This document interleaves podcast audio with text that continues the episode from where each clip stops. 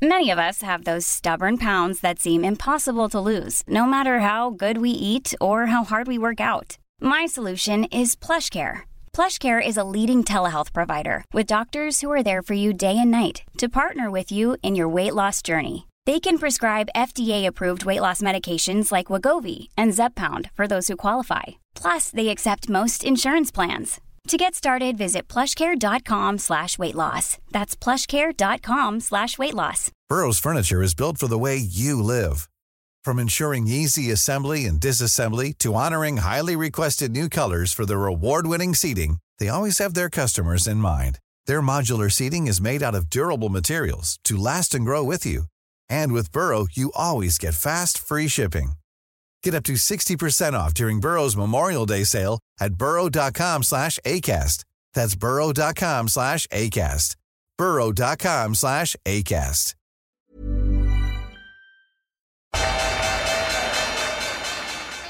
They mistook leverage for genius. Leverage for genius. I would recommend Japan. The governments don't rule the world. Goldman Sachs rules the world. Velkommen til en ny episode av podkasten 'Tid er penger', en podkast med Peter Warren. Uh, I dag skal vi snakke litt om uh, uh, Peters tur til uh, Oslo Børs. og han vi har, Det har jo skjedd litt i markedet. Utrolig mange folk som maser om gull. og masse annet. Det er veldig dårlig tid for hedgefond, så det er dagens tema. før vi starter podkasten, så presentere vår partner, som er IG Markets. IG er en nettmegler for private investorer og tradere som er aktive i finansmarkedet. Hos IG kan du handle et bredt spekter av markeder, eh, f.eks. norske og utenlandske aksjer, både long og short. Og i tillegg eh, har du tilgang til veldig mye eksotiske ting, som f.eks. Eh, råvarer som appelsinjuicekonsentrat, sukker. Du kan handle valuta, statsobligasjoner og eh, alle kryptovalutaer når du kunne handla i lang tid. Eh, og det som er spesielt godt lagt til rette for, er å kunne gå like lett short som long på både aksjer og alle andre verdipapirer. Eh, I eh, forbindelse med det partnerskapet med, med, IG, så snakker vi med Erik Hansen på slutten av podkasten. Og før skal vi bare spille et lite utdrag fra den samtalen. Handler handlar du standardkontraktet så har du et underliggende verde på 100 000 kroner på den første valutaen i valutakrysset. Så är det eurodollar, du köper ett kontrakt av eurodollar så är det 100 000 euro. Eh, och om du skulle köpa ett minikontrakt då så är det underliggande värdet 10 000 eh, euro på eurodollar. Ja, da var vi i gang. Eh, du ble eh, kalt inn på teppet på Oslo Børs.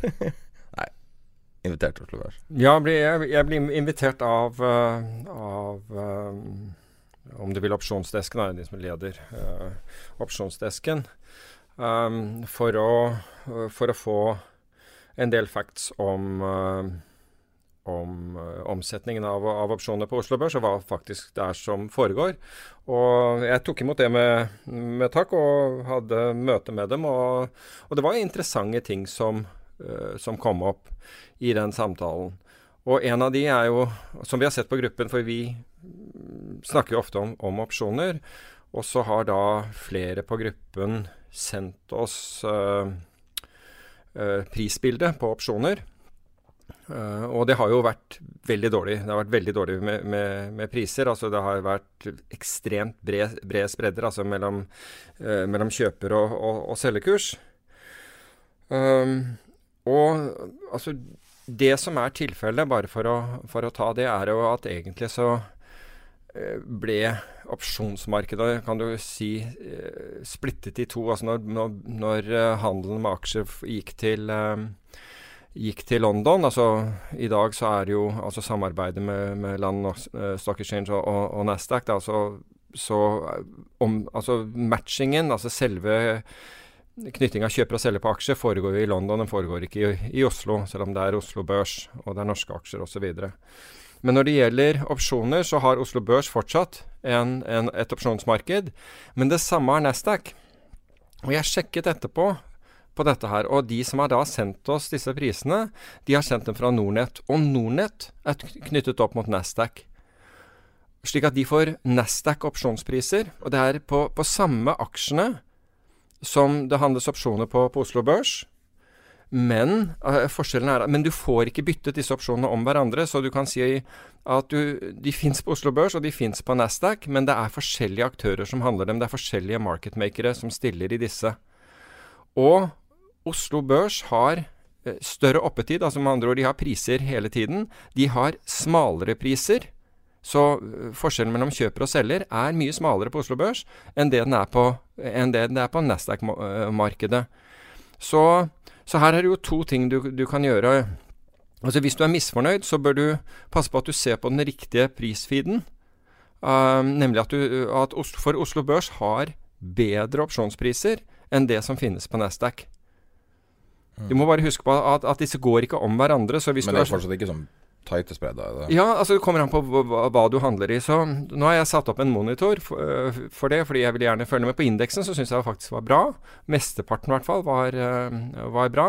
Når du kommer ut i aksjer som f.eks. Norwegian, fortsatt så var det priser der, men de, der, er, der, er, det færre. Men hvis vi ser på hvis vi ser på litt av fakta her, altså Oslo Børs har mye høyere omsetning.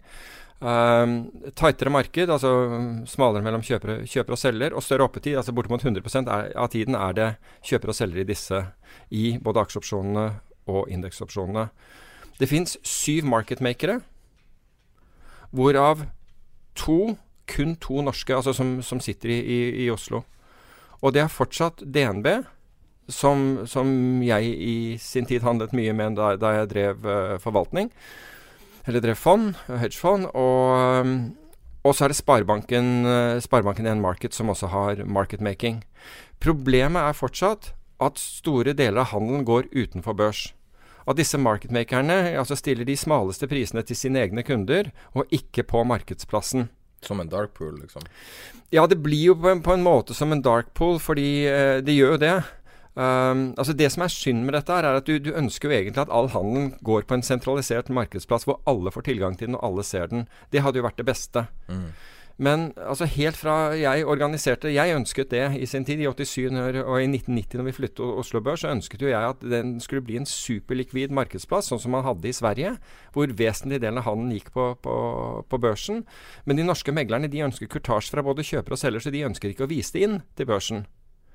Og dermed så var det ikke noe vits i å drive og stille, altså være marketmaker på, på Oslo Børs når du aldri fikk handle på prisene dine. Du så stadig handler gå på de prisene, men du fikk ikke ta del i det. Og det er som å, å på en måte være Tenk deg du, du, har en butikk og du starter et showroom. altså Du, du har butikkvinduet fullt av, av, produkter og priser, men, går, men, men, får, men, du får aldri handlet fordi noen vil, vil heller at du handler et annet sted, fordi de har egeninteresse av det. altså det var ikke investorene. De fikk ofte ikke bedre priser. Svært sjelden fikk de bedre priser, fordi når vi så sånne handler gå til, til hva vi syntes var dårlige priser, så tettet vi markedet mye strammere. Altså, så hvis de hadde kjøpt på tolv, så kunne det være at vi gikk elleve selgere umiddelbart. Mm. For å vise. Men tilbake til hvor vi er i dag. Det Men det er et fragmentert marked som veldig mye annet. Ja, det, ja. Altså det hele, alle børser er jo fragmentert opp. Ja, men ikke, nei, men ikke, på samme måte. Ikke på samme måte så, uh, som dette andre opsjonsmarkedet fungerer mye bedre. Men Oslo Børs forsøker. Men det som en virkelig interessant opplysning var da, som jeg nevnte, var syv marketmakere. Dvs. Si at siden bare to av dem er norske, så er fem utenlandske. Men det én av dem er faktisk så aktiv at han er den, eller de er den største marketmakeren i norske aksjeopsjoner. Og det er SEB Stockholm. Skandinaviske Enskilda Banken, Stockholm, er den største marketmakeren i norske aksjeopsjoner og indeksopsjoner. Det er interessant. Så, er det fordi de har, eh, altså de har folk Ja, de er villige til å stille priser. Men også de handler jo veldig mye direkte med, med kunder. Altså kunder som ringer inn, og så melder de prisene inn til, eh, til Oslo Børs etterpå. Så problemet nå er jo selvfølgelig at hvis det er bare Jeg vet ikke hvor mange meglerhus det er i Norge, men når det er bare to som er marketmakere, så kan du tenke deg at de andre gidder ikke å bry seg om dette her. Det er kanskje 20 eller noe sånt, tror jeg. 25. Ja, ikke sant. Så hva gjør de andre? Og, de, og, det de har muligheten til å gjøre, er hvis de har kunder som er interessert, det er å melde inn den interessen til denne desken på Oslo Børs, den opsjonsdesken på Oslo Børs, mm. som prøver å få bedre priser. De ringer opp marketmakerne for deg. De er en, da en interdealer broker på samme måte som Fra retail-kunder? Ja, men altså retail kan ikke eh, ringe direkte. Retail må ringe sin megler, Ja. som da ringer inn til blokkordredesken. Så når folk får Fordi at Grunnen til at, at vi snakker om det her nå, er jo fordi du har snakket om opsjoner så mye. Mm. Og så har vi tusenvis av folk i Facebook-gruppa, og feedbacken er, er liksom er ofte den samme. Vi vil gjøre det du gjør. Vi vil Ja. handle opsjoner. Ja. Både i Norge og i utlandet. Og så møtes de med vi, vi gidder ikke engang å deale med deg hvis du ikke gjør millioner. Ja. Altså store, store, store kontrakter. Så orker vi ikke å sjekke prisen. Stille så dårlige priser at du aldri kommer til å gjøre det. Så du, du, kan, du kan komme rundt det, det du sier? Ja, du kan komme rundt det. For altså, hvis du da går Ja, nettopp. Altså, hvis du går til um, Hvis du ber megleren din ringe ned til Altså, børsen har fire, fire, fire personer som sitter bare og gjør denne funksjonen. Som bare egentlig venter på å, å, å, å, å, å gjøre dette, for det, dette er jobben deres. Å prøve å Fire folk bare med derivater på Oslo Børs? Ja. Men det er jo så lite handel, er det ikke? Ja, ja, det er mer handel enn du tror. dagen? Det er faktisk mer, mer, mer, mer handel enn du tror. Men, men du kan si at der kan du få vesentlig bedre. Og alt du trenger å gjøre som investor, er å prøve det, da. Ja. Ikke sant? Det er å prøve, og i hvert fall hvis du skal gjøre kombinasjoner. Hvis du skal gjøre f.eks. Uh, bullspread, altså hvor du kjøper eh, en opsjon f.eks. med innløsningskurs 100, og, altså, og en kjøpsopsjon og selger en, eh, en med innløsningskurs eh, 110 mot det, eller et eller annet sånt. Altså Hvis du skal gjøre det, så legg det inn istedenfor å, å forsøke å handle på de prisene som er på skjerm, fordi de er Du får som regel gjort det bedre. Og jeg vet da for egen erfaring, vi handlet jo direkte med, med, med marketmaker i sin tid, som jeg nevnte. Vi har alltid gjort det bedre. Um, og det samme gjaldt jo når vi gjorde det i utlandet. Der, det, der har ikke børsen denne brokerfunksjonen, men det fins interdealer-brokere som vi handlet direkte med. Så når vi, la, når vi gikk til dem med en kombinasjon vi skulle gjøre, så ringte de opp Goldman Sachs, Morgan Stanley, alle disse forskjellige rundt, og så om det var noe interesse for å gjøre dette på, øh, på, på de kursene vi var interessert i. Og vi fikk alltid tilbake altså vi fikk alltid øh, tilbake Noen handlet direkte på prisen vår. Uh, ellers så, så kom det tilbake kjøper og selger på den kombinasjonen vår. Som jo, og så kunne vi velge om vi ville ta den eller ikke. Så det, det kom alltid tilbake eh, på den måten. Så det kan være verdt å gjøre det. Og når det gjelder Nordnett, altså Nordnett kunne like godt altså De kunne sikkert skrudd om til å gjøre Oslo Børs opsjoner. Og hvis folk, nok folk spør om det, så gjør de det helt sikkert. Det ville jeg tro. Fordi, fordi de nevnte eh, da jeg var der, at når vi snakket om opsjoner, så fikk de mye telefoner etter det. Men de har ikke market selv. Det er litt artig, det der, fordi at, altså, grunnen til at du ble invitert til Oslo Børs, er jo at Oslo Børs hører på podkasten. Ja. Og, uh, og du starta opsjonskjøret i Norge i sin tid. Mm. Og nå snakker du tilbake igjen. Ja, altså det var jo, ja, altså jeg må jo si det der altså Jeg jobbet jo et år på Oslo Børs i, i sin tid, og det var jo helt i begynnelsen av 80-tallet. Uh, og det var jo eh, Jeg tror ikke jeg hadde ja, Jo, jeg var der i jeg var der selvfølgelig i 87 når, det- når det smalt. Da var jeg en tur nedom, for da hadde, skulle jeg spise lunsj der likevel. Um, og så var jeg der under børsjubileet, eh, som jeg ikke husker hvilket uh, antall år. Var Det det som var på TV. Ja. Det der store Ja. med, med Mercedes, de her traktorene foran. Ja, ja, det er mulig. Gelendevognen ja, ja, nettopp. Eh, ja, så jeg var der i forbindelse med det. Men jeg har vel ikke vært der Jeg tror ikke jeg har vært der eh, siden, og det var ålreit. Altså det du går i de gangene og husker Du husker den oppropssalen som var der. Du husker hvor, man, eh, hvor valutakursene for dagen ble, ble, ble satt. Altså og alle disse tingene. Det var Den eh, siste, siste tavla står jo oppe i andre etasjen. Det siste valuta Uh, Siste gangen de uh, Nei, valuta gikk ikke på tavle. Det, det skrev ikke på Ja, men. Det var, det var aksjenotering. notering, fordi når du gjorde valutaen, så sto du midt mellom alle Da sto valutameglerne i, i en ring rundt deg. Jo, men jeg tror det er fiksing var på ei tavle. Og den siste fikk, Ja, du, du ble kanskje sendt på, satt på, på tavle etterpå. Ja, For den var jo offisiell. Ja, Det var den all uh, kundehandel ble gjort på den dagen. Men det, det, poenget var at det ser så gammelt ut. Så det her virker som det er ganske god stund siden. Ja, ja, ja. Men altså, jeg husker ikke når, eh, når dette oppropet var ferdig, men det holdt på inn i helt sikkert i midten av, uh, av 80-tallet. Og, og Det var ikke det 87 at, dem- at det fases ut? Jeg leita masse etter 87, I 87 så hadde du vanlig opprop øh, på børsen. Jeg husker ikke når elektronisk handel kom, og jeg husker heller ikke når, når man av når man, da hadde jo, Børsen hadde jo først et studio nede. Hvor valutakursene ble lest opp hver dag, og aksjekurser ble lest opp. Rett etter fiskerinyhetene. Så det var eh, hvor mye Jeg, jeg savner ble- sånn gamle ja, ja, ja. nyhetsformat. Ja, ja. Når det Det, sånn jo, altså, det var jo sånn der Når det regna og du hørte på det der på radioen, da var liksom da, det, det, ble ikke en, det ble ikke en kjedeligere dag enn det. Men uh, Det var Had- før du begynte i finans. Men, Hadde eh, man sånn shipping forecast som de har i England? Hva tenker du da? Ja, det er jo sånn her eh, Altså, det er det dølleste som er på radioen som eh, Jeg, jeg, jeg, jeg tror det er altså, sånn været på havet eller Ja, altså, jeg sånt. tror folk Ja, ja, men eh, jeg tror, tror det der fiskeri og, og, og børs Altså for de som ikke var spesielt interessert i verken fiskeri eller børs, så var vel det Det var low point for dagen. Men altså, så kom jo NRK2 og, opp, og opprettet et studio oppe i annen etasje, og da var det plutselig helt annen greie. Altså da, da snakket man om markedet og hva som skjedde, og, og inviterte inn gjester. Jeg var der ofte, og, da fikk du plutselig en helt annen greie.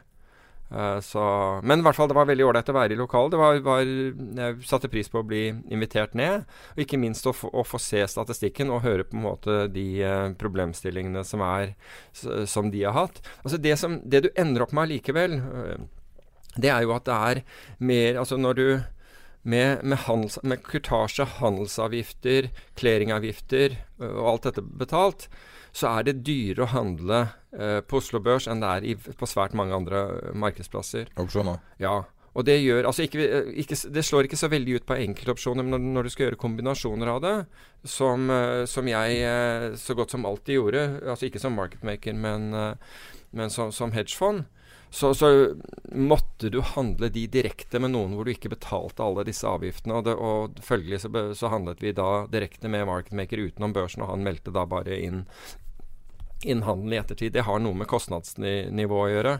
Uh, men så hvis man uh, så litt på det, så kan det kanskje litt, være litt mer attraktivt å, å handle. Mm. Men som sagt, jeg, jeg har laget en sånn screen hjemme og, så, og ser nå på bl.a.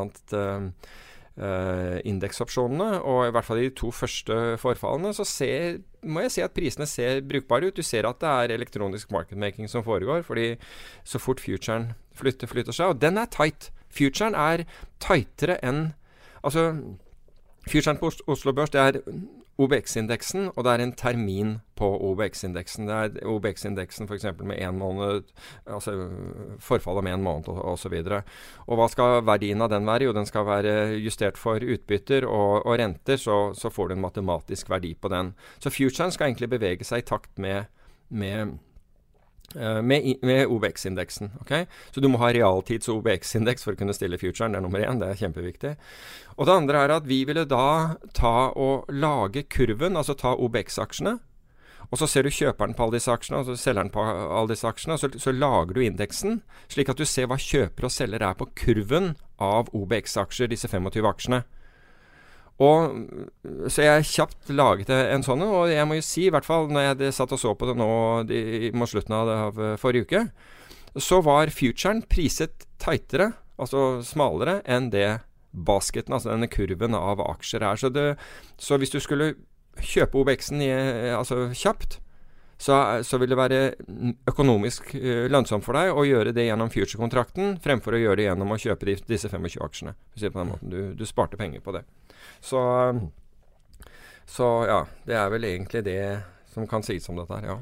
Men hva med um, um, uh, puts og calls på sånn tri triple leveled uh, ETFs?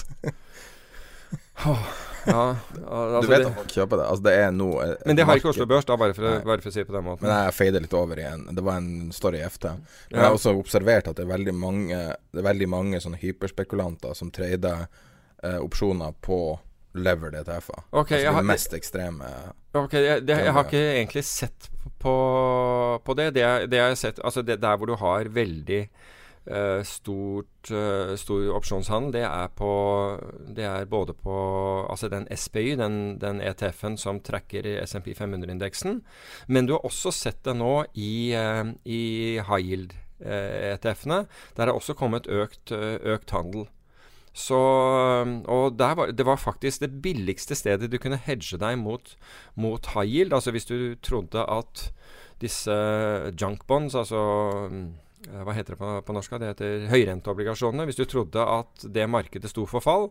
Så det billigste stedet å hedge seg var faktisk i ETF-opsjoner. Det er jo veldig stort volum også.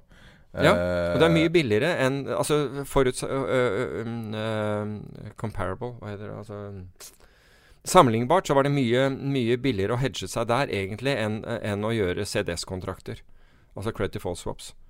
Og Det er ikke helt det samme instrumentet, bare så det er sagt, men det var, men, øh, men det var, øh, det var billigere å bruke, bruke de opsjonene. Så, så det fins muligheter overalt. Um, Og mens vi er fortsatt inne på opsjoner og sånn, så har du jo disse Der har du også ETN-er, som ikke er ETF-er, altså Exchange Traded Notes, som trekker eh, VIX-kontrakter, ikke sant? Mm. Og vi var jo altså Ved slutten av fjoråret det drev vi og snakket om at disse var ekstremt billige. Altså volatilitet var ekstremt billig. Hvis du hadde kjøpt da den derre Hva den heter da? UXX, er det ikke det den heter? Den, den forfaller vel nå i januar, så vidt jeg vet. 2019. Da. Enorm omsetning i den. Enorm omsetning, daglig omsetning i den. Men altså det er en måte altså Hvis du ikke skal kjøpe VIX-futuren selv, men, men, ønsker å kjøpe et børsnotert altså såkalt i anførselstegn aksjeprodukt, så er den opp 19% i år. Men VX6-en er vel det største volumet, ikke? Hva sier du? Er ikke det VX6-en som er størst? Jo, jeg tror det, men det, det, den forfaller nå. Den, den, sånn. Det kommer en ny serie nå uh, om, om, Ja, hva blir det? Altså Om et par måneder så kommer det Nei, mindre enn det. Ti uker. Så kommer det en ny serie av, disse, av den. Så da, den kommer til å hete et eller annet annet. Den heter VX6, et eller annet med en bokstav bak.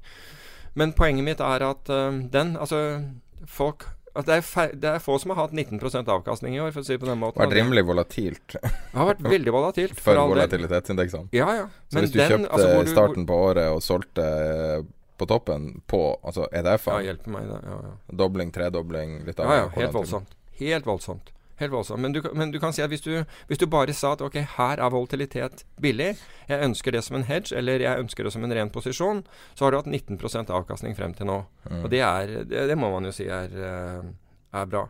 Det er bare de færreste Men hva gjorde folk? De gjorde det motsatte. De trodde at noe som har falt, det kommer bare til å falle enda lenger, og enda lenger og enda lenger. enda lenger. Spiller ingen rolle om det er billig, det kommer til å bli enda billigere. Og så fikk du den kjempesmellen på den XIV-en, som mm. da hvor uh, hvor det tok noen minutter å tape 98% folk, folk liker intuitivt en carry trade, og jeg tror det er det som er grunnen til at det er så lett å selge XIV og selge ja. shortvollen. Altså, ja, ja. carry trades er det høres så logisk ut. Ja, obligasjoner er jo carry trades, ikke sant? Altså alle hvor, du, hvor du betales hver dag. Men, eh, men eh, det sagt, så det sagt, så, så Altså, jeg, jeg, nevnte jo bl.a. at det var en carry trade på opsjoner i, eh, i olje. Ja. Det og du hadde i sommer. Folk, ja, og, ja, og enda så går folk isteden og kjøper, kjøper dyrt. Altså, hvis du kjøpte, kjøpte olje uh, i Altså, den fremste kontrakten, da. Den som alle syns er, er, så, er så fenomenal. Så uh, altså, du hadde en carry trade. Altså, jeg demonstrerte jo da med, med, en blogg Jeg husker ikke når jeg skrev den, var juni eller noe sånt. Og det kan vi godt snakke om nå, siden oljeprisen har falt kraftig. Um, og det var, å, altså, det var retten til å kjøpe olje til 60 dollar per fat. 60 dollar per fat innen utgangen av 2020. Ok? For den retten betalte jeg 8 dollar. Det er en kjøpsopsjon på olje som gir meg retten til å kjøpe olje for 60 dollar fatet innen utgangen av 2020. Um, hva var det som var interessant med den? Jo, på det tidspunktet så handlet jo, handlet jo uh, oljeprisen, altså for, for, umiddelbar levering, over 70 dollar. Så du kjøper Så hvis, hvis det bare står stille, altså hvis bare spot olje står stille, så vil du tjene penger. Ok? Så hva er følsomheten på den? Jo, altså det var noen som sa ja, hvordan ser dette ut i, i, i, nå? Hvor olje plutselig har falt til 70 dollar fatet. Uh, jo, altså hvis olje da ender på 70 dollar fatet, og du har betalt 8 dollar for en som er Da, du, da Altså det vil si at 8 dollar blir til 10 dollar, ikke sant? Fordi eh, hvis, hvis den holder seg til, på 70 dollar fatet, så så, så, tjener du to dollar per fat. Du, du, har retten til å kjøpe olje på 60. Du har betalt 8 kroner for denne retten, så du har break-even på 68. Hvis den da er på 70, så tjener du 25% Du tjener 25% hvis det bare står stille her. Og for hver to dollar dette går opp, så tjener du 25% til. Kanskje han der i Var det Handelsbanken, han som er så utrolig bøllers på olje? Nei, han er fra SEB. SEB. Ja, altså Det var jo morsomt, for ikke sant, idet vi traff 80 dollar, så kom Altså 80 dollar, da kom alle de, de da, da, skulle olje til 100 dollar. Det første som skjer, er at olje faller 10% fra det. Når vi kommer opp til 80 dollar, så sier hele den gjengen som sa 100 dollar at ja, var det ikke det jeg sa, nå skal det til 100 dollar. Da kom SEB på banen og sa nå skal den til 120 dollar. Og da skrev jeg faktisk at forrige gang dette her, så gikk tryna vi. Mm. Og gjett hva som skjedde denne gangen? Jo, vi tryna. Og nå er vi på 70 dollar. Hun Bethany McLean Bethany McLean, ja. ja. Kanskje den uh, fremste sånn finansjournalisten som har vært Hun som har skrevet Saudi America, er ikke det det var den het for noe? Ja, den der siste nye boken. oljeboka. Og så Ja. hun, som, eh, Ja, ja. hun som skrev den første artikkelen mot Enron. Som har utrolig god track record. Ja, og en av det at hun er moderat i mye av det hun sier. Hun, altså, Enron-artikkelen var vel 'Enron might be overpriced', tror jeg den heter. Så hun var jo ganske moderat i språket. Ja. og, og hun sa noe i et intervju som jeg syns var veldig bra i forhold til forbindelse med olje, var at, at det var kanskje den vanskeligste tingen på jorda å spå. Retninga på oljeprisen. Altså bare, bare komme med et estimat. Det er en av de mest kompliserte eh, instrumentene som finnes. Så hun var ikke tatt interessert i å spå det. Og når du Nei. ser alle som bare spår, og 100 Ja, ja. nå er det her en sure Ja, thing og sånn, Ja, ja. hvordan kan du vite det? Det kan du jo selvfølgelig Nei, selvfølgelig de kan jo ikke det. Og den klassiske er jo da oljeprisen toucha 147 dollar fatet for noen år siden. Goldman kom ut med sin spådom om 208. Det var toppen i det øyeblikket den kom. Og det, jeg tenkte på når jeg så den derre Nå skal det til 120 dollar, for når alle de andre hadde sagt 100, så skal du utmerke deg, så må du si noe outrageous. Og, og da, da det, Jeg tenkte på det. Nå, nå, nå Og jeg skrev om det også. Nå skal du se at dette her går ned. Jo, men det er jo den Andreassen-strategien til analytikere. Det er jo, du må jo bare si noe ekstremt for å komme på forsida av avisen. Uansett om du tror Jan, på det Jan. Ludvig. Ja, Ja. ja. han, han har med å uttale seg. Ja, og, jo, men altså, noen av disse betales jo for, for å være Ikke sant, for, for, for å være headline-stoff, eller for, å- bli nevnt. Så, så du må skjønne Det har med incitamenter å gjøre. in- Insentiver og incitamenter å gjøre. Mm. Ikke sant? Det betyr ikke at de har skin in the game, for det har de som regel ikke. Ikke sant? Altså, jeg er temmelig Altså, hvis du, hvis du på 85 dollar kjøper olje fordi dette skal til 120 så sitter du ikke fortsatt med oljen på 70, det skal jeg love deg. Du er, altså Som trader er du stoppet ut, du har tapt. Men analytiker, da er det bare Nei, nå, nå justerer jeg eh, estimatet mitt litt. Ja, jeg tror den skal opp igjen. Ja, for det som er spesielt med futuresmarked, eller Det finnes jo mange måter å handle olje på, men hvis du tar futures, da, er jo at, at det her er et marked der du taper eller tjener mye på små bevegelser. Ja, hvis du har gi... Ikke sant? Det er jo ofte veldig gira marked. Ja, altså du kan gire det, absolutt. Altså du kan eh, Du, du, du, du trenger ikke å putte opp 100 Altså børsen bestemmer hvor stor margin Eller clearinghuset bestemmer hvor mye, mye eh, kontanter du er nødt til å, til å stille med. Men så du kan gire det. Jeg sier ikke at man skal gjøre det, men du kan gjøre det som du, som, som du sier. Når du kjøper opsjoner derimot, da, altså, så vidt, eller du kan sikkert få finansiert det noen steder også, men jeg ville aldri gjort det. Altså, da, da betaler du de åtte dollarene. Men da vet jeg det. Jeg kan ikke tape mer enn åtte dollar. Som er hele poenget med opsjoner. Som er hele ikke sant? Så fra 85 og ned til 70, hvor, hvor, hvor vi er nå, er det 15 dollar. Så, så hvis, du, hvis 120 dollar eh, nå altså sitter med den, så, er, så har den 15 dollar i tap. Jeg kan ikke tape mer enn 80. jeg. Det er årsaken til at man gjør opsjoner isteden. Ja, men men det er jo Tesla-traden din er jo det perfekte eksempelet. ja, Den som, eh, som vi har snakka om på veien opp, og nå på veien ned. ja. Og du sitter der og bryr deg ikke fordi at du kan ikke tape på det pga. at det er konstruert korrekt. Ja, fordi den er konstruert på den der måten. Og det er jo ikke noe du mister, mister søvn over. Men det er klart at hvis du har shortet Tesla på 270 og den er på 350, så gjør det Eller 200 Ikke sant? Det gjør vondt.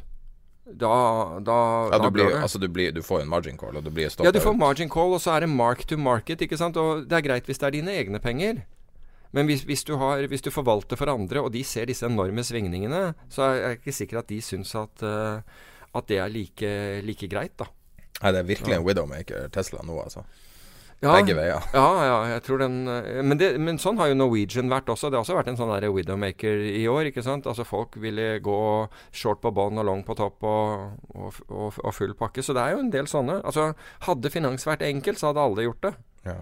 Ja, det er jo ikke det. Det, er, det bare er av og til hvor det tilsynelatende er det. Og det sucker inn folk. If faith was easy, everybody would believe.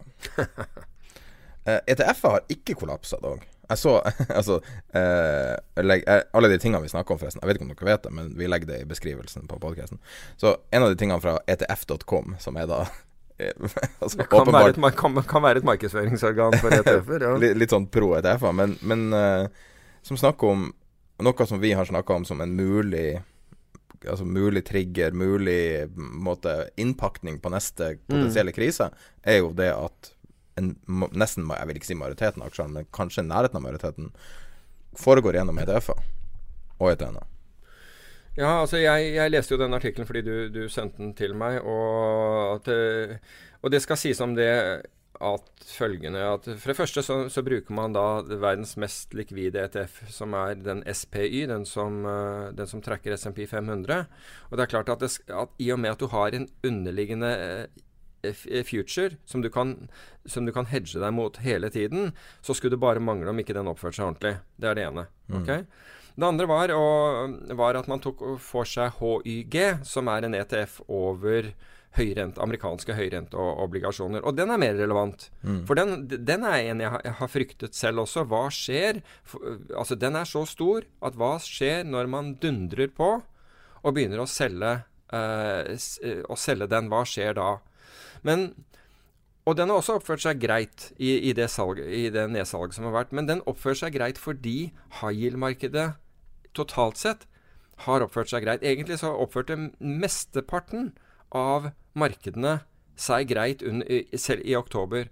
Det var ikke Altså, det, det, falt aldri så kraftig og hardt rundt omkring at, at folk ble, altså ble, hodeløse, for å si det på den måten. Og, og, og algoritme Altså disse, disse høyfrekvens-marketmakerne trakk seg ut av markedet. Det var ikke nødvendig. Det, skjedde, det gikk ikke fort nok. Snakka vi om Amazon forrige episode? Jeg husker ikke helt. Det største verditapet i verdenshistorien. Skjedde uten at noen ja. egentlig snakka ja. noe særlig om det. Altså, det var jo snakk om det, men på tross av at, at Amazon faller 25 ja. Og så skulle jeg bare se på og bare regne på Det var i gruppa på Facebook jeg det. Ja. Og folk blir skremt av Helge Ingstad. Av? Helge Ingstad. Det er den fregatten som Å, er det der, ja. 4 milliarder som å, ligger i fjerde steinen. Ja. Ingenting i forhold til Amazon, var det jeg mente. Ja, Amazon-tap er på Altså, nå vet jeg ikke hvordan det har gått siden, da, men uh, eh, ca. over 2200 milliarder kroner ja. på en knapp måned. Um, som så vidt jeg kan se er det største tapet noen selskap har hatt noen gang ja, i kroner og øre. Ja, det er voldsomt. Men, og, det egentlig har ikke skapt så mye oppmerksomhet, egentlig. Nei, det, er, det, er, det, er, helt utrolig, men nå får vi jo Altså noe oppmerksomhet blir det, for, øh, og det ser du på hedgefondresultater. Men, øh, men, øh, vi, men, vi, kan bli litt med, med ETF-er før det. Men, men, ja, jeg er helt enig i at, at det er jo et voldsomt verditap.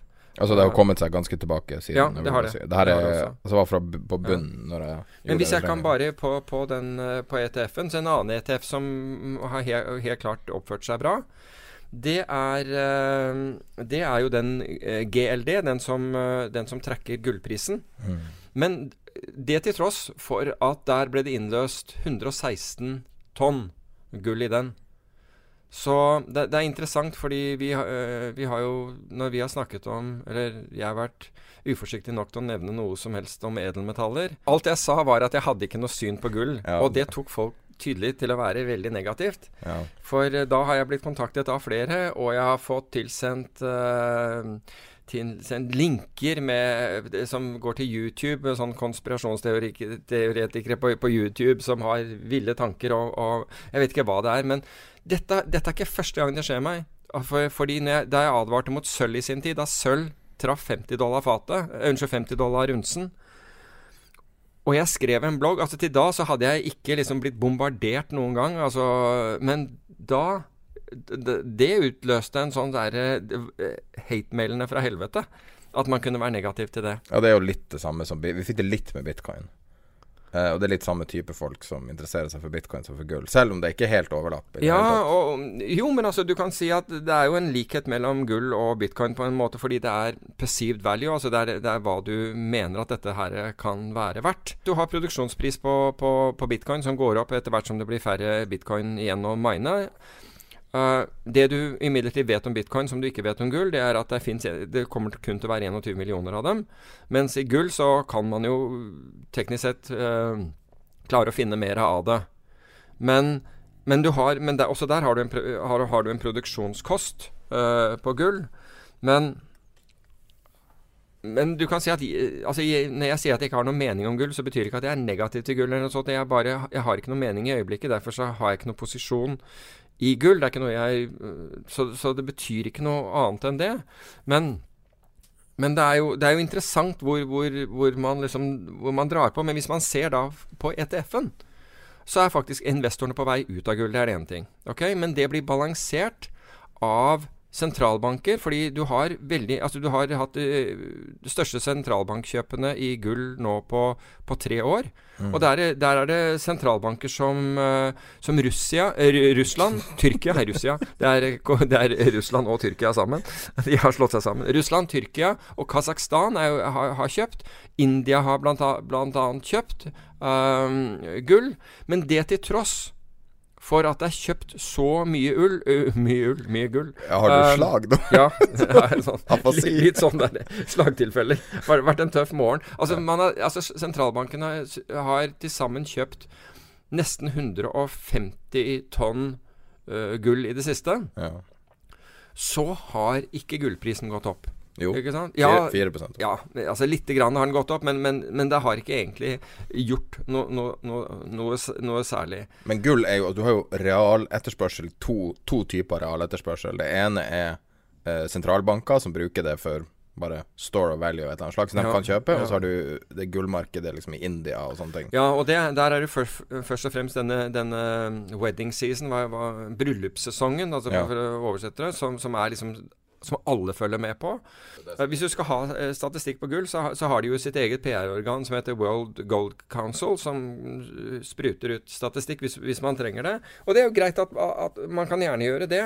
Um, så, så, men poenget mitt er at det har vært kjøpt mye, mye gull fra sentralbankers side. Betydelig andel gull. Det har vært kjøpt mer, gull enn, uh, mer tonn gull enn investorer har solgt. Og likevel så, så, går ikke prisen opp. Så det er ikke sånn at jeg løper til, uh, til uh, børsen for, for, for, å handle det. Men hvis jeg så Hvis dette her endret seg så, så, så vil Altså, when, uh, when, the facts change, so does my mind. Um, eller my opinion. Og så, så, det er der jeg, det jeg kommenterte negativt på, det var at trading av gull, hvis du er veldig kortsiktig trader, så har det vært store, veldig store sånne plutselige prissvingninger. Og så er det interessant, for der er det kommet noe, noe mer informasjon. Fordi jeg, jeg klaget bl.a. til CME. Etter å ha klaget til dem tre ganger, så trakk vi oss ut fra, fra kortsiktig trading i gull. Plutselig ville gull falle 30 dollar per unse uten noen forklaring, bare rett ned. Og det skjedde ved flere anledninger. Og jeg ble skadet av den første. Uh, og deretter så begynte vi å følge med på dette her og sette på, på, på sånn elektronisk watch på gull og prøvde å, å, å, se hvor ofte dette skjedde. Og etter å ha sett dette her tre ganger og børsen ikke gjorde noe med det, så var vi ikke interessert i å, i hvert fall å gjøre kortsiktige trades i det. Opsjonstrades kan man gjerne gjøre i det. Det er et veldig likvid op opsjonsmarked. Var det noen som prøvde å corner the market? Nei, det var ikke corner, nei, for det var, dette var bare kortsiktig. Men så er det interessant. Hva har skjedd, hva har skjedd nå i det siste? Deutsche Bank har fått 30 millioner dollar i bot, altså det er nesten en kvart milliard kroner i bot, for å manipulere gullmarkedet. Og JP Morgan er nå også siktet for å ha manipulert gullmarkedet. Mm. Men der, altså Første gang så var det JP Morgan som var Når det gjaldt Unnskyld, Deutsche Bank. Når det gjaldt JP Morgan, så er det én trader der. Altså, Der er det litt, litt heldigere for, for, bankens del, som da har da ikke bare eh, forsøkt å manipulere gullprisen, men sølvprisen, palladium og platinum også. Så noe, noe, skjer der ute. Og det er jo også en interessant ting å se, og det er at altså børsen hvor man handler gull, altså futurebørsen Chicago Mercantile Exchange slash Comex eh, det, eh, det, amerikanske eh, finanstilsynet som har med råvarer å gjøre, og det amerikanske justisdepartementet har rekordantall påtaler nå på manipula manipulering av markedene. Det gjelder, det gjelder, råvaremarkedene, og det gjelder valutamarkedene. Og det til tross så fortsetter det bare. Altså Tenk deg hva bankene har betalt. Altså Milliarder av dollar har blitt betalt i bøter. Fortsetter bare. Altså Det er tydelig at det er ikke nok. Det er ikke nok. Det fortsetter. Og vi ser dette, og vi ser dette her også i eh, Og man ser dette her eh, også i, i valutamarkedet. Det er fortsatt altså På daglig basis så ser du manipulering av, av, av, av prisene. Det er for øvrig tre sentralbanker til India, Polen og Ungarn som har drevet og kjøpt gull, men i mindre grad enn disse, disse andre jeg nevnte. Jeg driver og ser på en kar på YouTube for å, når jeg skal koble av hjernen, ja. som, eh, som, driver og utvinner gull og andre ting fra helt sånn syke Han, han er helt vanvittig. Cody's Lab heter det. Det, han driver og heller syre på et eller annet, masse sånne ting, og så kommer det bare ut gull. Det er helt fantastisk. Jeg- Han feier opp sånn støv på veien og sånn, og så utvinner han palladium fra det. Eller et eller annet. Jeg har sett en fyr stå i en elv jeg, og, og, og, og, forsøkte å finne gull. Altså Ja, sånn- etter gull. Ja, og det, det var i Auburn i California. Og, og det var bro over hodet på han, og jeg hoppet fra den broen. Hoppet, den var på er 720 fot. Dette var i 1990, og jeg basehoppet fra den broen. Og øh, han hører bare smellet av den skjermen som åpner. Kikker opp, der står han med sånn der øh, Jeg vet ikke hva det er, sånn fat der. Og, og kikker opp og lurer på hvor, hvor, hvor ble flyet av. det var i Auburn, California.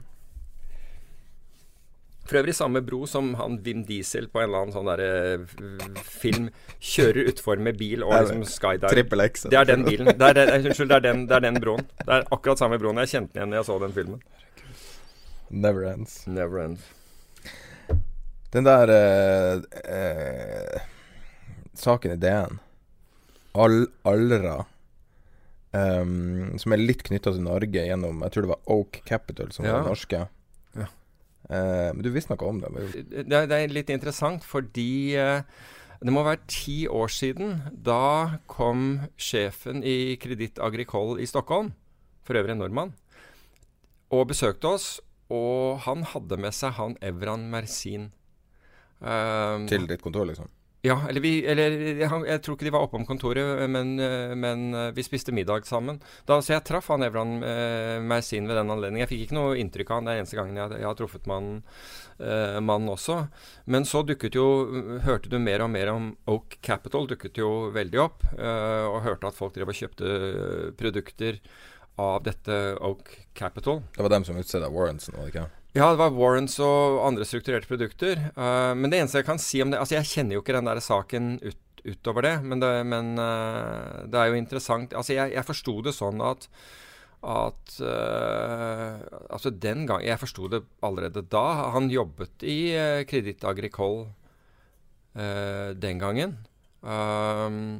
Og, og drev denne businessen. Og men, men det, må, det som kan sies om det, er at altså jeg så at øh, øh, Gøran Nygaard i Finanstilsynet, ålreit fyr for øvrig, øh, uttalte seg at de hadde aldri sett maken til honorarer. Men jeg må jo si det der at øh, Mulig ikke i Gjørans tid i Finanstilsynet, men produktet som, øh, som Oak drev og solgte, det er det samme produktet som bankene drev og solgte på, på, på 90-tallet, altså bare så det er sagt. Og, og drev og solgte i 10-15 år før, før det ble, ble reager, reagert på. Ja, men 25 honorar, eller hva? Ja, ja, ja. ja, ja.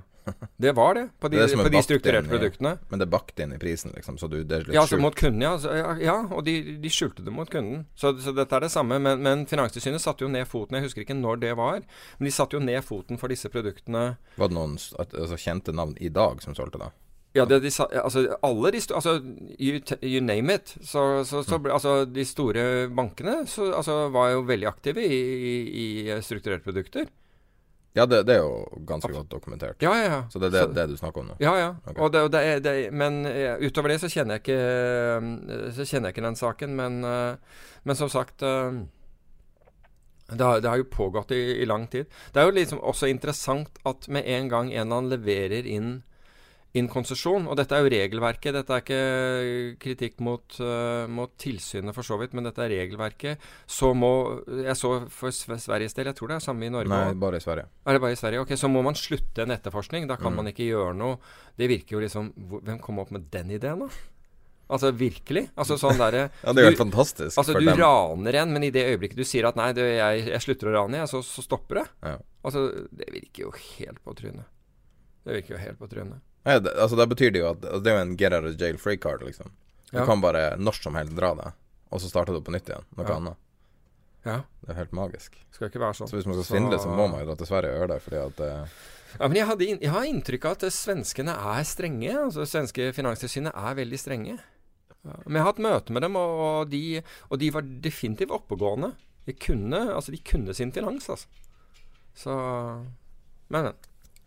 Så du den artikkelen jeg sendte deg fra Bloomberg om uh, uh, antall Det var en interessant, en interessant målenhet jeg ikke har sett før. A, a record number of assets in dollar have negative total return year to date.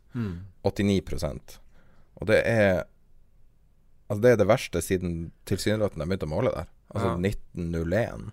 Men vi lever litt i sånn la-la-land akkurat i, i, i Norge. Altså Oslo Børs har gått bra. ikke sant? Eh, lakseprisen, bortsett fra helt uh, nylig, har liksom gått én vei. Oljeprisen, igjen inntil nylig, har, har, steget, har steget kraftig. Og, og alt synes bra. Penger er billig, og, og, og italienske karbonkarosseri, sportsbiler, fl florerer. Jeg så for øvrig, det var ganske interessant, jeg så Bentleyer parkert eh, utenfor eh, Nå skal jeg ikke, være, ikke være slem og nevne hvor. Hvilket meglerhus eh, her forleden dag. Og der, der var det en kafé. nemlig Det var en sånn svær Bentley med, med sånn personalized number plate. Og så var det en kafé rett ved siden av, og der var de der gutta inne og spiste. Og så kom parkeringsvakta og begynte å skrive, og de bare satt inne og lo mens de spiste. Nei, det er en konsernsjef på Oslo Børs som eh, hadde kontor på Aker Brygge i alle år. Mm. Som, jeg, tror, jeg tror den var blå Bentley. hans. Og han kjørte den hver dag til kontoret, og så parkerte han i den rundkjøringa der, som er foran Aker Brygge. Oh, wow. Så bare gikk han. Og så fikk han bot, og så sto han der hele dagen. Og så satt han seg inn og kjørte, og så bare boten, og så ble den betalt av sekretæren. Ja.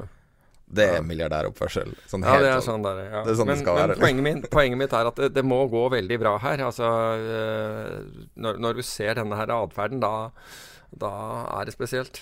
Det er jo sånn når du ser tilbake, så er det det du tenker på faen at vi ikke så det her komme. Ja. Og, så kom, og, så kom det en sånn Porsche og parkerte foran, og den var full med veltebur og hele greia. Det var sånn løps-Porsche, altså, også kjørt av eh, en, eh, en kar i dress.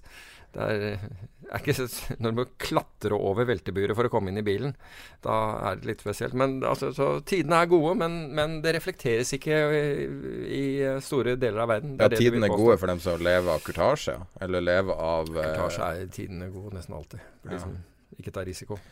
Men altså, det er jo ofte et tegn på at ting er tur å smelle når, når, Ja. når 89 er ned uh, year to date. Ja, det er, det, er, det, er, det er hva vi sier. Det er litt dårlig, dårlig, litt dårlig tegn. Altså når noe er Når du går over nivået fra 1929, Ja. da Altså du liksom totalt Jeg, jeg deler det grafen i, i beskrivelsen også. Men uh, ja. Eh, hva du syns om eh, den, Det var jo en Bloomberg-sak om Quants are facing a crisis of confidence. Eh, og du mente at det ikke var helt riktig, men Nei, altså det er jo riktig, fordi altså, de- den dreier seg om hvordan du klassifiserer faktorfond. det. Ja, altså det var to eh, Jeg trodde Altså før jeg, før jeg eh, Ja, det er litt, litt hvordan du klassifiserer det. For det er to typer kont som har liksom gjort det dårlig i denne, i denne eh, fasen. Og så har du hedgefond generelt som har gjort det dårlig, som vi egentlig burde snakke om, fordi det har vi på forhånd advart mot. Og dessverre så skjedde jo akkurat dette. Vi sa jo, jeg tror det var på siste sending, at jeg frykter liksom at oktober Jeg tror oktober kommer til å være skikkelig dårlig for hedgefond, og, og, og for så vidt begrunnet det. Men hvis vi går på dette kvant, det er to typer. Det ene er tradisjonelle trendfølgere. Uh, fordi sell-offen kom så brått at trendsystemene deres ikke klarer å snu raskt nok, og så får de markedet i trynet.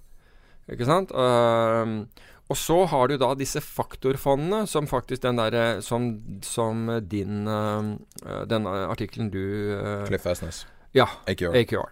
Blant annet, ikke sant? Og, Det er 15 gjør, ja, er det eh, blitt så mye? Jeg visste at, han var, ja, jeg visste at det var, var, eh, var kommet opp i to, tosifret. Men, og det er ganske spesielt for han. Men det, altså det minner meg litt grann om august 2007.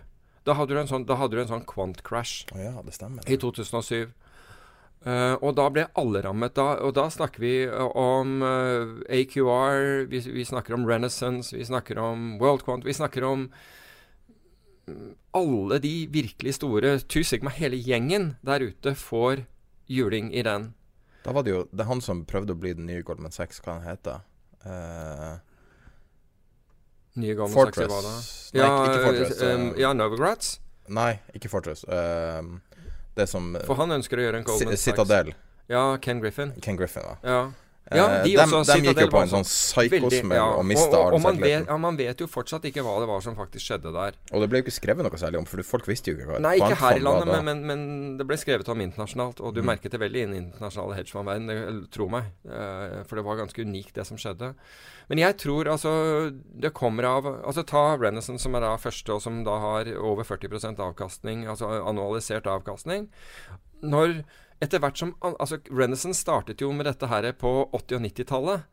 og begynte å bruke Uh, sofistikerte både dataprogrammer, innhentingsprogrammer, analyseprogrammer, de mest avanserte prosessorene for at dette skulle gå fort, osv.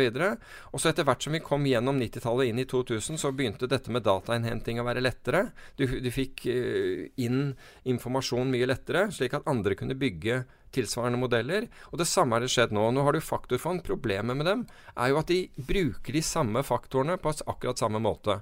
Ok? Når du da kom, så for å, for å, utmerke deg, så kan du ikke være Cliff Asnes. Du kan ikke gjøre det samme som AQR. Hva kan du utmerke deg på? Jo, hvis du ikke har tenkt til å, å gjøre modellen, altså bruke andre modeller, så bruker de giring. ok? Da leverer man opp, ikke sant? Fordi altså ingen så gidder å investere i annet enn AQR. Uh, eh, hvis avkastningen er det samme og de gjør det samme, da, da, går de med brand name, ikke sant? Og det er AQR i, innenfor, innenfor, innenfor faktofond. Problemet er hva skjer da når, når, du plutselig får en sånn dislocation i markedet, og det begynner å bli eh, tvungent salg? Jo, den som har den største belåningen, blir tvunget ut, og så plutselig får du en sånn meltdown innenfor kvanter, innenfor faktorfond, som gjør akkurat det samme. Og sånn må du forvente at skjer tidvis. De, de, de gjør ikke faktorfondet noe dårligere. De gjør bare at de, de bør gjøre en, en bedre jobb. De bør på en måte gjøre en bedre analyse over terrenget de befinner seg i. For hvis, hvis, du har vært alene i terrenget en, en stund, og plutselig så, eh, så, er terrenget fullt av andre, da bør du tenke hva er konsekvensen av dette her, hvis noe går gærent. Og det er det jeg tror de lider av. Um, slik at faktorfond har ikke gjort det bra i denne, i, i, i denne fasen. Og så kommer du og Jeg vet ikke om vi Skal vi fortsette på faktor, eller vil du uh, Nei, lede altså, dette over i, i, i hedgefond, som har forferdelige resultater? Ja, altså, det er jo samme verden, så det er jo samme, samme type kunder. Det er jo. Primært pensjonspenger. Det er konservative, konservative ja, bortsett, money managers. Ja, og det er veldig, veldig lite toleranse for tap. Ja, men bortsett fra faktorfond er jo egentlig for å kunne Altså, de fleste faktorfond er long only. Okay. Altså, så de er long-fond, men skal gjøre da en, en, en bedre seleksjon.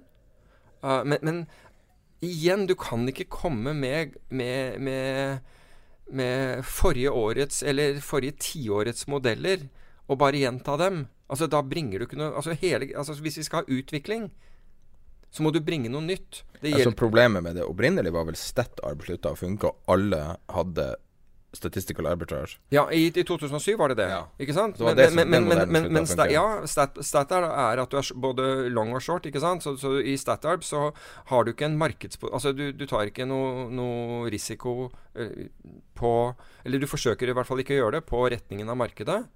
Du tar risiko på at uh, aksjen du er short og aksjen du er long, altså at den spredden øker istedenfor minsker. Det er det som skjer i, i, i statistisk eh, arbitrasje. Når det gjelder faktorfond, så er det jo det at da bruker man gjerne Fama French, eh, altså type altså økonomer som har studert eh, dette, og som mener at disse faktorene er altså bare vekst, momentum Du har en hel haug av faktorer som ligger til grunn for det, og som da legges inn. Men igjen, hvis du legger inn akkurat det, det samme altså Hvis du tror at du vet hva AQR gjør, så hjelper det ikke å gjøre det samme som AQR. Du må, du, altså, hvis vi skal ha utvikling, så må du gjøre noe nytt. Mm. Og for å være helt ærlig, de faktorfondene som jeg har snakket med, de gjør ikke noe nytt. De har gjort veldig lite. Noen av dem er, er, er forward thinking. Men de har basert seg på liksom, den helt standard modellen, og så sier de at nå skal vi gjøre noe ut ifra dette her.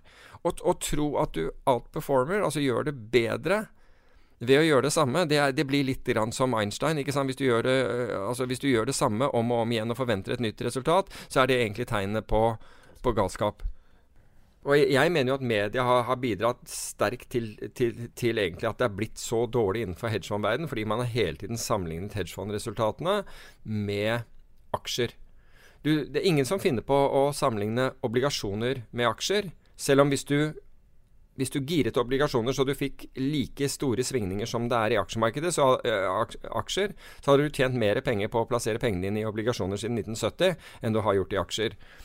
Det bryr ingen seg om. For det er ikke en story Altså, det er mer kurtasje å hente ut av aksjer enn obligasjoner, så vi fokuserer der. Der igjen så, så har dette med, med, insentiver å gjøre. Så det er jo et faktum. Men uh, vil det være det de neste ti årene? Nei, antageligvis ikke, fordi, fordi renten er så lav og at, uh, at man kan ikke forvente en, en lignende utvikling innenfor obligasjoner. Men så, så, ser man på hedgefond, og det er klart at det er hedgefond som Og hvis, hvis du hele tiden sammenligner hedgefondavkastning med aksjeavkastning, vel, da, du, da, kommer du til å få aksjeavkastning. For da kommer hedgefondforvalterne til å si vet du hva, da kjøper vi bare aksjer, da, så er vi ferdig med det greiene der, og så girer vi de. Og, så, og, og, det er jo det vi har hatt mistanke om veldig lenge eh, har skjedd. Du har, du har, hedgefond som har begynt med å, å, å, å kjøpe én aksje i en, i en favorabel tildeling. Og så har man brukt da og så har den, Fordi du fikk kjøpt den billig, så har det, dette utviklet seg bra. Og så sier man ikke at man omtrent ikke hadde penger i fondet da. Og så etter hvert som penger er kommet inn, så har, det, har man liksom utvannet den posisjonen og hatt med noe annet. Men, du, du, men se på resultatene. Det er så dårlig. Det, det, har, aldri, det har, ikke vært så dårlig hedgefondresultater på, på, på, syv år. Mm. Og dette er en helt Dette er en liten korreksjon. Det er 10% korreksjon. Det er jo ingenting. Og du har hedgefond som er ned 14-15% Du har hedgefond som er ned 6 Burde jo aldri vært det. Du har, du, altså, du har, folk som har vært long aksjer og short volatilitet. De to farligste tingene. Det du ikke vil ha hvis du har kjøpt hedgefond, altså med mindre du har kjøpt hedgefond som erstatning for aksjer, du vil heller ha hedgefond-aksjer, det er fair enough. Greit nok. Men hvis du har kjøpt det som diversifisering, med andre ord du vil at dette skal dempe risikoen på porteføljen, som, som veldig mange ønsker, i hvert fall institusjoner ønsker. De ønsker jo å få bedre porteføljeegenskaper. Da kan ikke hedgefondet være full av aksjer og short volatilitet i utgangspunktet, for da kommer de til å oppføre seg som aksjer. Og jeg tok, jeg, jeg tok Før dette så tok jeg kikket på, på, på, på en liste her. Altså norske hedgefond, det er 18 stykker der. De to dårligste fra topp til bunn har vært altså Ikke akkurat nå, men altså dette, dette er resultater de har hatt. Har vært ned mer enn 30 de, nest, de, to nest dårligste har vært ned mer enn 25% Altså Da kan du ikke snakke om, om I år. Hva? Nei, det er fra topp til bunn, altså i, i, i, sin, i, sin, levetid. De fleste av disse her, eller mindre enn en halvparten av disse her, har jo, har jo, eksistert hvor det har vært en ordentlig nedgang. Altså De, de har ikke opplevd 2008. Nei. Flere av de som er der nå, Hvorfor, de stengte fondene sine etter 2008 for å være så dårlige, så ventet de to år, så startet de nye fond. for å ikke Hvorfor, få med Hvordan kan jeg komme unna med det? Ja, det, er jo gammelt, det er jo utrolig mange i norsk finans som sitter og ruger på 100 millioner, og bare venter på at, uh, at uh, redaktører av diverse aviser skal glemme navnene. Ja, sånn de ja men altså, de, de, holder en lav profil, og så sier man jo om 100 år er alt glemt, men det viser seg at det, er, det tar, noen, det tar mye mindre enn 100 år. Det tar bare et par-tre par, år, så er alt glemt. Og så kjører de i gang, og så begynner de med akkurat det samme, og så blir de genierklært. Altså, Aker Brygge er en liten plass, liksom. Det, norsk finans er lite. Jeg skjønner ikke at altså, de, de, møter, må jo møte de samme folkene når de ja, men, skal hør, Mellommannsapparatet er jo ikke interessert i at dette blir kjent, fordi de tjener kurtasje på dette. her Det kommer et nytt fond inn med flere hundre millioner, så er det interessant. Det er kanskje en milliard. Det, jo, det skaper kurtasje. Det siste du vil ha, er noe negativt om disse. Det er jo det. Men altså, det er jo bærekraftig. Det er bare så, det er så ja, deprimerende. Kan, ja. Det er liksom sånn når du ser på Island. Island var jo det eneste landet på jorda som tok hiten under finanskrisa. Som bare tok, absorberte hele greia. Det var helt forferdelig da. Men hvis du ser på det islandske folket, så har man jo på en måte vaska bort sinnene til en viss grad. Og du, folk fikk virkelig føle på det. Men pga. personlige egenskapene til islendingene, så har jo veldig mange klart å komme seg tilbake, fordi de har en stayerevne som få nasjoner har. Og, og, og, når man ikke gjorde det i Norge, når man alle bare ble beila ut, i verste fall måtte bytte jobb, liksom. Hva du lærer da? Du lærer ingenting. Nei, jeg er enig. Du lærer jo av problemer og krise ja, og elendighet. Men, men, vi har jo ikke latt eh, det, altså effekten av finanskrisen vaske gjennom økonomien. Vi har jo ikke gjort det. Vi har jo. Isteden har vi brukt skattebetalernes midler til å dekke over. Til å, til å putte penger inn i banker og dekke over konsekvensene og, og hjelpe finansinvestorer. Mm. Uh, det er måten vi har gjort det på. Men her er litt mer statistikk. 11 av 18 fond har vært ned mer enn 10% ok? 11 av de 18 norske. 10 av 18 fond har ikke opplevd 2008. Ok? Når det gjelder Sverige, der har de 104 eh, hedgefond. Og der er de fire dårligste har vært ned mer enn 45% De fem dårligste mer enn 30% Så eh, det har svingt litt der, der også. Det er jo som å ha Eh, en trader som eh, 17, 17 av fondene deres har vært ned eh, 25 Dette er hedgefond, altså. Det er 16 det. 16% har vært ned mer enn fe- 25 Bare for å sette i perspektiv, et hedgefond som faller 4% Det kan jo altså, For veldig mange fond er jo det en fullstendig krise. Ja, Altså det kan bli lagt ned på 4% ja, ja. Altså Hvis du plutselig gjør det Det er jo fond som er ned 4-5-6% og mer av de norske. Jeg jeg er overrasket overrasket at. AQR klarer å holde Nei, Jeg er ikke overrasket over AQR, for det, det tror jeg, altså, de har en så lang, så solid track record. Og Cliff Asnes er han Altså, det er ikke Han kommer ikke til å gjøre noe vilt og gærent over natt. Nei. Så han er det jo en intellektuell, og så han er jo Til de grader. Til Så- de grader er han det. Så Men, men det er øh, Altså, hele, hele den Man har glemt hvorfor man skal ha diversifisering, og nettopp pga. kvantitative lettelser. Ja. Men jeg stedet, skjønner, jeg skjønner dem jo. jeg, altså jeg skjønner jo forvalteren, fordi ingen Altså hvis, hvis ikke jeg tjener like mye som aksjemarkedet, så vil ingen eh, da eh, De bryr seg ikke om risk, for det er kvantitative lettelser. Så, så myndighetene holder på med det. Så hvis jeg skal kritiseres fordi jeg ikke tjener det samme som aksjemarkedet, ja ja, ok. Hvis det er det kundene mine vil ha, så får vi heller kjøre på aksjemarkedet, da. Det er, ikke sant? Så girer vi det, og da tjener vi, tjener vi brukbart. Men når du liksom fullstendig imploderer på en måned, øh, ikke sant, da det, er ikke noe, altså, det fins bra, for all del. Det fins- bra norske hedgefond. Men igjen, er, men over hele verden fins det bra hedgefond. Men de er i så li, et så lite antall. Og veldig mange ganger så er de ikke tilgjengelig for, eh, for eh, eh, de fleste investorene. Var interessant. Det var eh, Apropos det, så var det et, eh, Hvor er det de holder til? Det spiller ingen rolle. Men det er et norsk foretak som hevder at de Som, er, eh, som har visstnok vunnet noen priser og fått inn masse penger på at de, at de kan få investorene inn i hvilket som helst fond i, fond i, i, i verden. Og det kan jeg love deg de ikke kan. Og de, altså de, de er blitt, altså de er blitt Det er regnet som et teknologiselskap, og, og de kan få da investorene En av det at de kan få det inn hvor som helst. Når minimumticketen til f.eks. Bridgewater er på 100 millioner dollar, så lurer jeg på hvordan de skal få inn eh, en eller annen kar som sier du, jeg kan godt tenke meg 5000 kroner i det fondet, jeg. Det kommer ikke til å skje, det kan jeg love deg. Det er bare tull. Altså, det er ingen som har adgang til, til, til, til alt som er der ute. Da skal Hvordan, du ha hvordan performer Bridgewater? Jeg har ikke sett Bridgewater-tallet i det siste. Men du kan si at med risk parity Altså det er vanskelig å gjøre risk parity med bonds her hvor det er. Så jeg vil tro at avkastningen til Bridgewater har, eh, har gått, uh, gått ned. Vet du hvorfor jeg tror at den har gått ned? Fordi at Ray Dalio er ute og snakker så mye. Skriver bøker og holder foredrag og masse inspirasjonsgreier og litt sånn, sånn vås. Altså han sier 'Å, du må stå opp tidlig på morgenen' og sånne ting. liksom Altså sånn helt sånn Og du må være snill og grei, liksom. Og så bare Går det dårlig med businessen sin? For det er ofte en korrelasjon mellom Jeg vet, har jeg fortalt at vi, eh, et av styremedlemmene våre i Irske Hedgefondet var personlig venn av Ray Dalio? Ok. Ja, så hadde de, vært i, de hadde vært i Spania sammen. Og for han her eh, som styremedlem vårt hadde, hadde, hadde da sommerhus, eller hva du kaller det, i, i, i Spania. Og så, Dette var under finanskrisen. Og så har de vært på en restaurant, og så er de på vei tilbake i bilen. Og så ringer eh, Dalios telefon, mobiltelefon. Og så sier han du kan gidder å kjøre, stoppe, kjøre inn til siden. Og Dalio går ut og går et stykke unna og, og har da en diskusjon på sånn 10-15 minutter. Um, og så kommer han tilbake og setter seg i bilen, og alle i bilen liksom lurer på hvem, hvem var det, hvem var det? ikke sant? Og, da, og så sier ja, du, ja, du kan i hvert fall fortelle hvem det var, om du ikke forteller hva samtalen gikk ut på. Og det var Geithner. Tim Geithner som ringte. så vi snakker om powerful people her. Um, ja, det er virkelig helt utrolig med Ja. altså, altså, selvfølgelig ringer han til Sanne, men det er jo helt ufattelig at, de, at det skjer, liksom. Det er jo sånn du aldri får høre om. ja, ja. Hva de snakker om, da? Vet ikke. Vet ikke. Ja, det sa han ikke. Men er ikke dem ut, Apropos Bridgewater, var ikke dem som var så bearish i sommer? At de sa at 2019 skulle bli et sånt forferdelig år. Jeg, jeg vet ikke. Altså, jeg, jeg, 160 gjør de- milliarder de- dollar i under management. Men gjør Bridgewater den, altså, Gjør de noe særlig sånne prognoser? Jeg vet ikke. Nei, så de, gjorde, de sa Så- det i sommer. Altså De var jo veldig ute og snakka. Altså de, fle, altså de hedgefondforvalterne som, som virkelig som, som, som virkelig tjener mye penger, de, de lager aldri prognoser, de.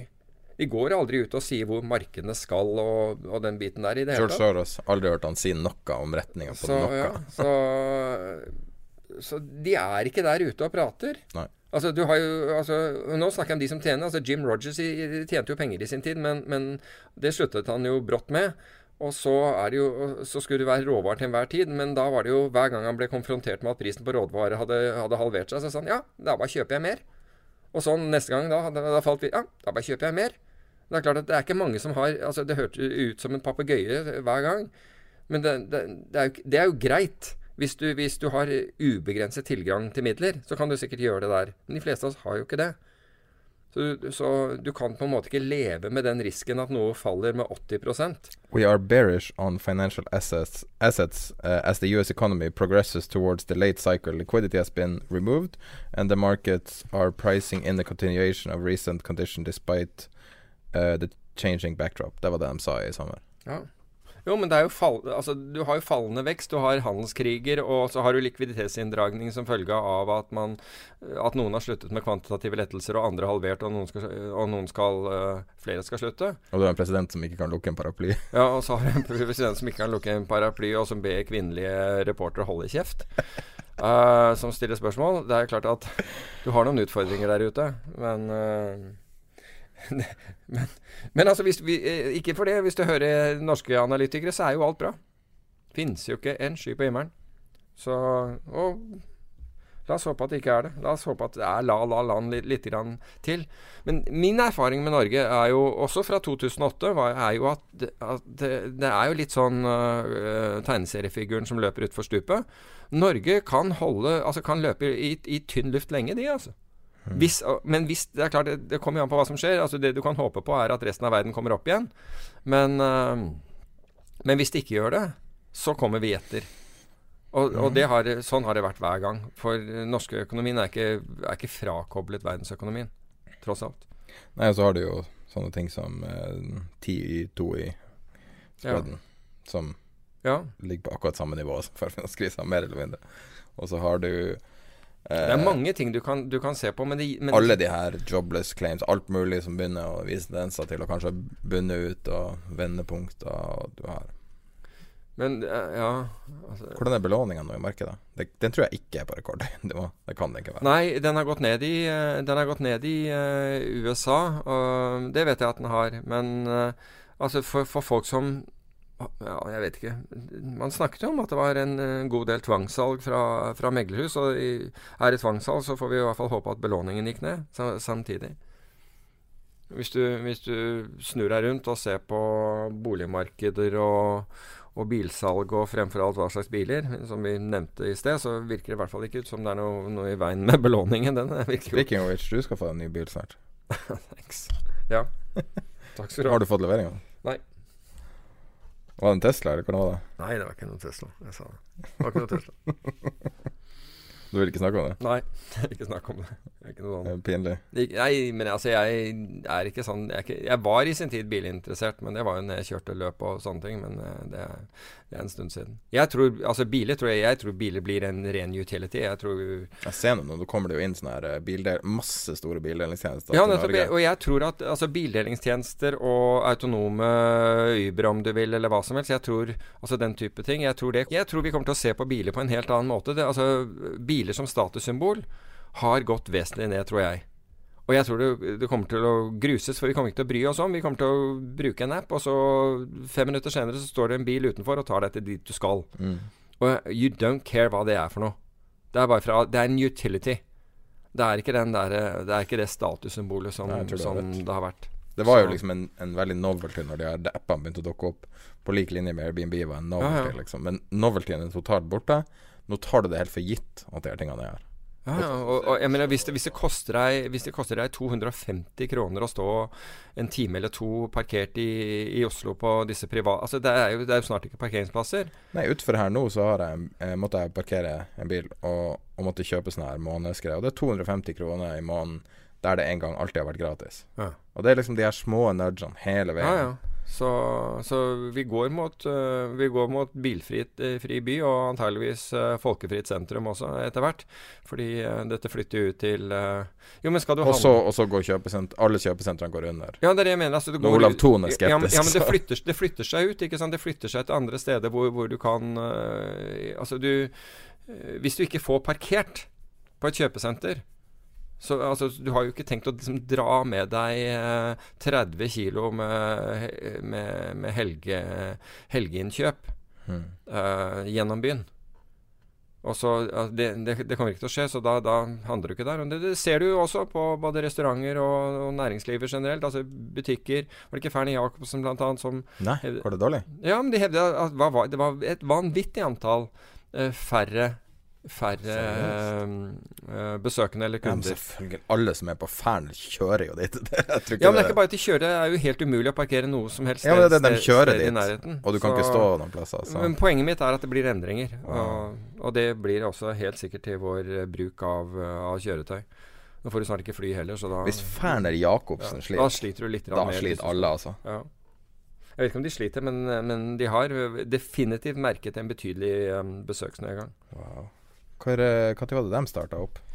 Jeg husker ikke. Uh, før jeg ble født, tror jeg. Men. Ja, jeg tror også altså, Jeg tror det er 80-90 år, sikkert. Ja, noe sånt. Så. Der står det. Nei. Uh, jeg vet at det er en kar som hater når vi googler i løpet av uh, Så passer på, må alltid passe på å google litt. Ja. Nei, altså, jeg har brukt opp uh, 1916 åpna Ferna Jacobsen. 1916, 102 år. Ja. 31 år gamle Fernie Jacobsen signerte leiekontrakten. Ja. Nei, men jeg tror Altså, det er, det er jo en voldsom omlegging. Jeg, men jeg syns jo at, eh, at jeg, har, jeg, har, ikke noe mot at, eh, at, det blir færre biler i byen. Men, men, problemet er at hvis da byen blir en, blir en ørken uh, for folk etter klokken Altså da ender opp med noe sånt som City. Ikke sant? Det er ikke en kjeft i City i helgene. Da er det helt bråstopp. London City, ja. City er jo veldig, veldig spesiell. Da. Ja da, men jeg bare sier at da altså, plutselig får du en sånn situasjon hvor her er ingen. At det jeg tror som er en sånn stor forandring som ingen ser komme, er det at det er ikke så veldig stor utility å bo i by lenger som det en gang var. Hvis du har raskt internett, så kan du like gjerne bo 20 minutter utenfor en by. Og der ja, du har seks an, ganger ja, så mye plass. Og i hvert fall nå som, som, folk har hjemmekontorer i mye større grad også. Ja, så jeg tror så. at det der Og, og, og så tenkte jeg å sitte i så en sånn oversikt over eh, prisene for å bo i New York. Hvor ufattelig kummerslig du må bo. New York er enormt, men nå snakker du om byen eller staten? Manhattan. Jaha, Manhattan, ja. ja altså bo på, uh, på 42nd Street, liksom. Uh. Ja. Altså, det prisene der er Altså, hvis du Altså, det billigste tenkelige er typ sånn 30 000 kroner i måneden. Ja, men det er, jo, altså det er jo dyrt langt oppover, opp på Hundredegata og ja. oppi der. ikke sant? Det er jo kjempedyrt. Upper East. Men hvis du drar én time Eller Upper Westside, unnskyld. Ja. Jeg husker jeg hørte om Det var et sted i New York State der du kunne kjøpe en hus for sånn 100 dollar. Det er et forferdelig område. Mm. Men altså, du skal ikke så veldig langt ut før at du begynner å komme i helt Nei, sånn absurd Staten er svær, altså, bare så det er sagt. Den, den går jo helt opp til uh, Canada, gjør den ikke det? Altså, er ikke Buffalo i New York? Jo. Er ikke Buffalo? Husker hva det er. Og, og, det, og er jo flyplassen på, over grensen fra, fra Niagara Falls, altså som, øh, og nærmeste flyplassen er. Og det tror jeg Er, er ikke det upstate New York, da? Tror det. Så det, det, forteller jo litt om hvor stor den staten er. Ja, men det, her er, en ti, det er snakk om en, ca. en time unna Manhattan. Ja, det er White Plains og sånne steder. Da. Men det jeg tror er Altså, vi står foran en sånn forandring som vi bare ikke ser helt komme. Man tar liksom mm. for gitt at å bo i New York og, og London sånn skal være så fantastisk. Men altså, jeg, jeg altså, det er jo rett og slett ikke sustainable. Hvert for, kanskje i hvert fall London, men hvem mm. er de her folkene som betaler 30 000 i måneden i husleie? Hvordan finansierer de det? Ja. Sånn at altså enhver um, Ja, nei, det er Det er bare store forandringer som skjer hele tida, og man tar for gitt at de her etablerte sannhetene er at det er så fantastisk at oljefondet investerer i London, liksom. Ja.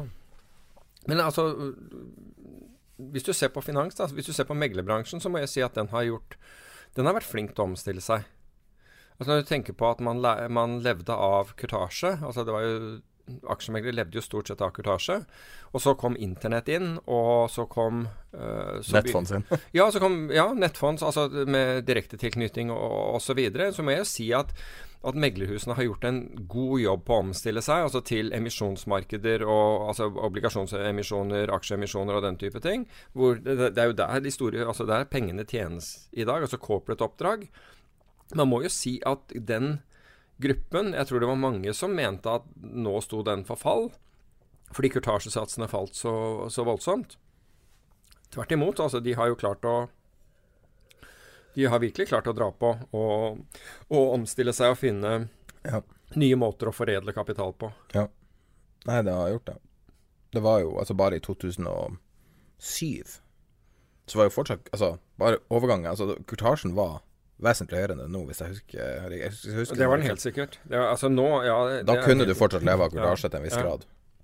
Så det er jo Men så tror jeg også de er ganske brutale. I hvert fall en del av dem er ganske brutale til å, til å, å nedskalere når, uh, når, de merker at businessen uh, Altså når de merker nedgang av deal flows og sånt, så er de raske til å til å kvitte seg med mennesker. Men de er, også raske til Ekstremt syklisk bransje, noe helt grassat. Altså. Ja, men, men, poenget mitt er at de har overlevd, da. Altså, poenget er at de har altså de, Det har vært en ordentlig darwinisme der, sånn, men de som har vært flinke, har har uh, klart å, å, tilpasse seg en ny virk eh, virksomhet og funnet Og så har du fondsfinans som aldri tilpasser seg. Ja, men, men, men den, jo, akkurat den, den, tilpasset seg ikke, og, og, og gikk fra nummer én-hus til, til, uh, til, nedleggelse. Mm. Trist sak. Men så har du andre som da Ta f.eks. Sundal Collier, da, som har, har holdt på i, i, i, så mange år. Um, som nå heter ABG, riktignok. Men, men altså, de, har jo, de har jo tilpasset seg hele veien, da.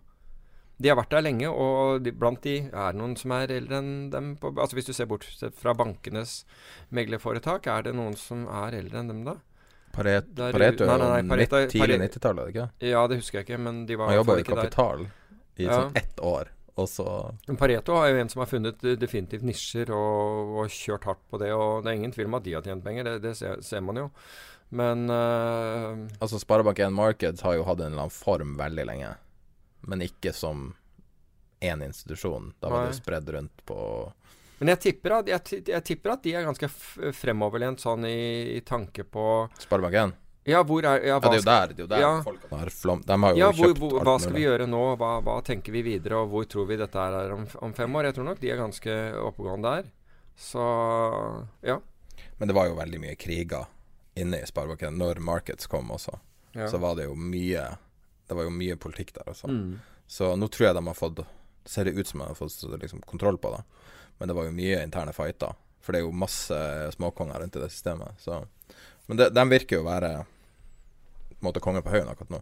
Uten at jeg føler så veldig mye. Ja det, ja, det aner jeg ikke. Det må jo se på statistikken. Men, men, poenget mitt er at de har i hvert fall klart altså, Jeg vil jo si at de har klart omstilling, og de har liksom fått inn nye mennesker. og og de er villige til, til å tenke nytt. Det er jo bl.a. Uh, eh, tilbake til opsjoner. Det er en av de som har opsjonsmarketmaking. Det er jo det virker som de har mål og mening med, med, med ting. Eh, hvor, hvor bigshot var Jan Petter Collier på sånn 80-90-tallet? altså, var han the man? Nei, han og Dagfinn var Altså Sundal var, var, Ja, de var eh, Det kommer an på når det var på 80-tallet. Litt sent, sent på 80-tallet, når emisjonsmarkedet virkelig dro i gang. og og da hadde VIP Skandinavia, alle disse her eh, som plutselig kom opp, så var det jo Da var jo de Ja, absolutt. Absolutt. De, uh, de dro på, de. De var de som så muligheter. Ja, ja, for han var jo Altså Collier slo seg opp ja, tidlig 80-tallet, var det ikke da han begynte å slå seg opp? Um, ti, ja, midten av, tenker jeg. Jo, jo, kanskje sånn Ja. Si midten av 80-tallet. Da plutselig dro de på, på veldig, tror jeg. Mm. Ja. Hvordan var norsk finans før det? Når du satt i London sånn 70-tallet. Hvor søvnig var det? Nei, Da var det så søvnig at jeg visste ikke noe om det. Egentlig. Bodde foreldrene dine her da? Uh, min mor. Med, min far var ja, der. Ja. Um, da var det ikke noe Altså, da var det jo veldig stivt. Da var hele greia veldig stivt. Altså, når jeg kom og, Altså, jeg hadde jo Jeg hadde jo mye fritid da jeg var og besøkte min mor en, uh, en, i en ferie. Og da dro jeg ned på Oslo Børs for å se på det, og da er det jo klart at alt var på ark. altså Det fantes ikke noe database. Det fantes ikke en graf av noe kursutvikling. Ingenting fantes helt, uh, helt til å begynne med der. Så det var vanskelig å orientere seg. Og, men, men, man handlet jo. altså Ta fondsfinans handlet jo med, med utlendinger, de. og um, ja, det var en helt annen greie. Det, altså, det var veldig veldig annerledes. Det var veldig lukket, og det var sånn der uh, For guds skyld ikke kom med noe nytt, for det kan bare rokke båten.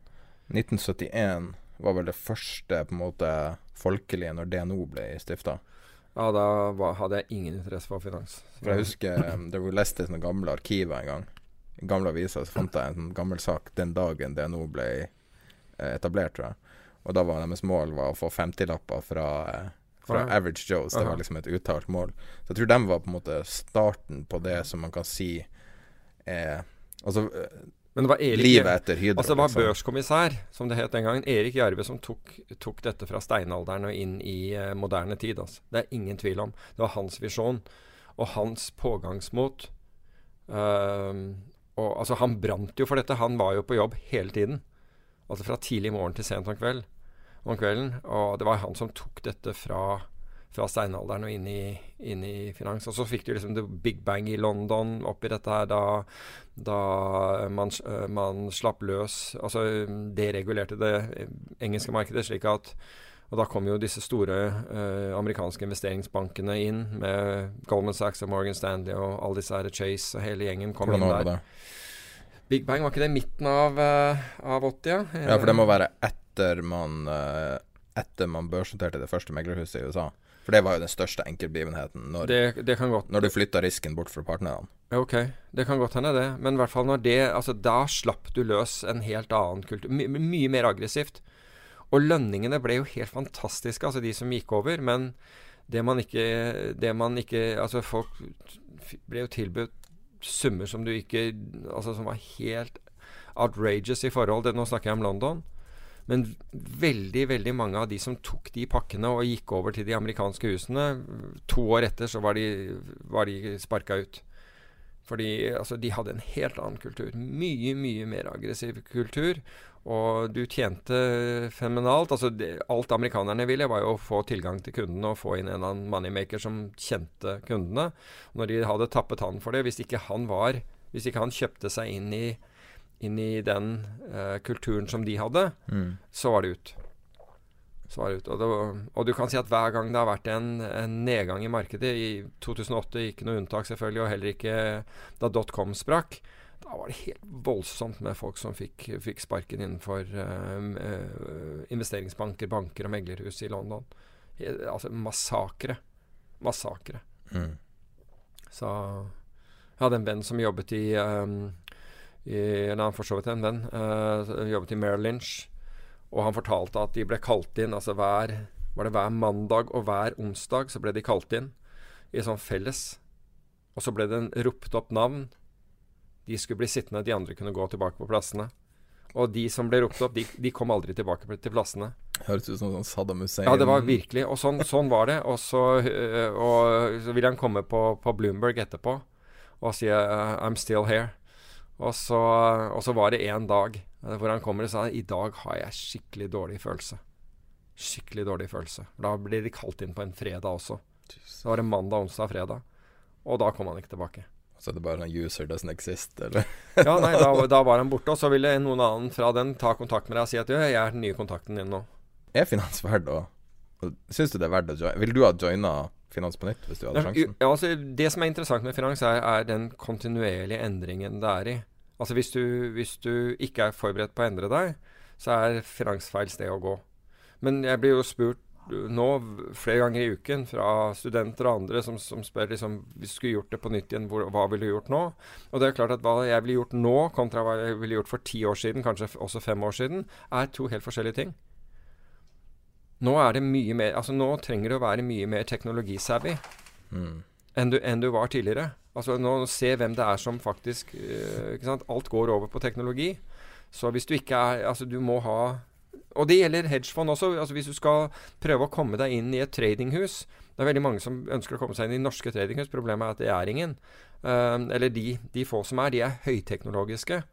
Um, Oljefondet er jo faktisk en reell mulighet. Så hvis du er student ja. og du vil begynne å trade, og hvis du er beste på Handelshøyskolen så kommer du deg inn. Ja, Du må altså- basically ha best karakterer. Men du kommer ikke til å sitte der og trade. Det er ikke noe mine yours og, og, sånt noe der heller, i, i noe særlig grad. Altså, de har tradere som, som fyller ordre, og som må på en måte forstå markeder og, og, og drive uh, og se på balansen av ting. Men veldig mye av dette blir nå erstattet av algoritmer som gjør, uh, som, som gjør dette her også. Hm. Um, oljefondet gir også f.eks. ut disse ordrene til, til investeringsbanker. Men, men investeringsbanker vet å ikke mess with uh, oljefondet. fordi altså Mister du han som kunde, da har du, da, de har i hvert fall mistet jobben, for å si det på den måten. Fordi de er så store. Ja. Så mm, hvis de gir en ordre på eh, en kjøpsordre eller salgsordre i aksjemarkedet til en investeringsbank i London, skal jeg love deg, de forsøker å gjøre det beste ut av den. altså. Mm. Det er noe de Det er ikke som om, om du er en mindre aktør hvor de kanskje Verdens største investor, så det er jo ikke så rart. Ja, ikke sant? Eller det Ja. var nå det, i hvert fall sist gang jeg sjekka. Så Dem og Abu Dhabi er vel sånn more or less like stor. Nei. Nei, eh, Norge er større. Ja. ja Norge er Altså av nasjonale fond, så er Norge det åpenbart eh, største. Hvis du har Saudi Hvis du Saudi er lenger ned på lista. Godt ned på lista. ja, men Saudi Aramco er jo Altså det er så stort Ja, men Saudi Aramco er ikke Saudi eh, Det er ikke oljefondet. Nei, jeg vet det, men jeg tenker at sånn altså, så Saudi er jo liksom på en måte én ting. Altså Det er ikke strukturert sånn som i Norge, der man har splitta det opp i Altså hvis du hadde tatt uh, Statoil med i oljefondet, Ja. det blir jo på en måte sånn. Det er det jeg mener med For øvrig, altså når det gjelder eh, Abu Dhabi, som du nevnte, det, der er det to fond. Altså, det er Adi og Adik. Det er, det er to fond der. Hmm. Live så- Hva sier du? Har du møtt dem? Er det proffe folk, eller? Å, dæven, ja. Oh, dæven, ja. Men det er, eh, det, er, det er de som er på investeringssiden der, de som bestemmer mandater og, og plukker fond, er, er faktisk ofte europeere. Ja. Fordi at de på toppen er ikke nødvendigvis proff. Det er jo to 30-åringer, tidlig Hamad 30-åringer. Kadush er det vel han som er, er Ja, altså, det, det Saudi-fondet har jo fått to nye ledere. Jeg tror det var Saudi.